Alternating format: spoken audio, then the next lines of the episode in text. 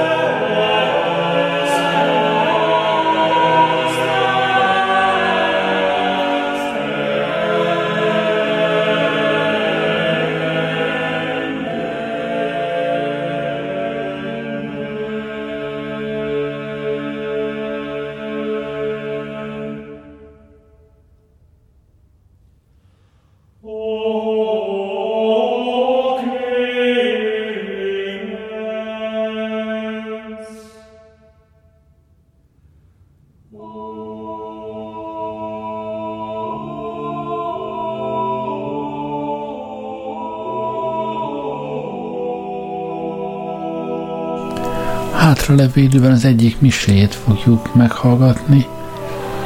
Uh, annyit még elmondok, hogy uh, halála idejét se tudjuk pontosan, valamikor 1512 előtt halhatott meg.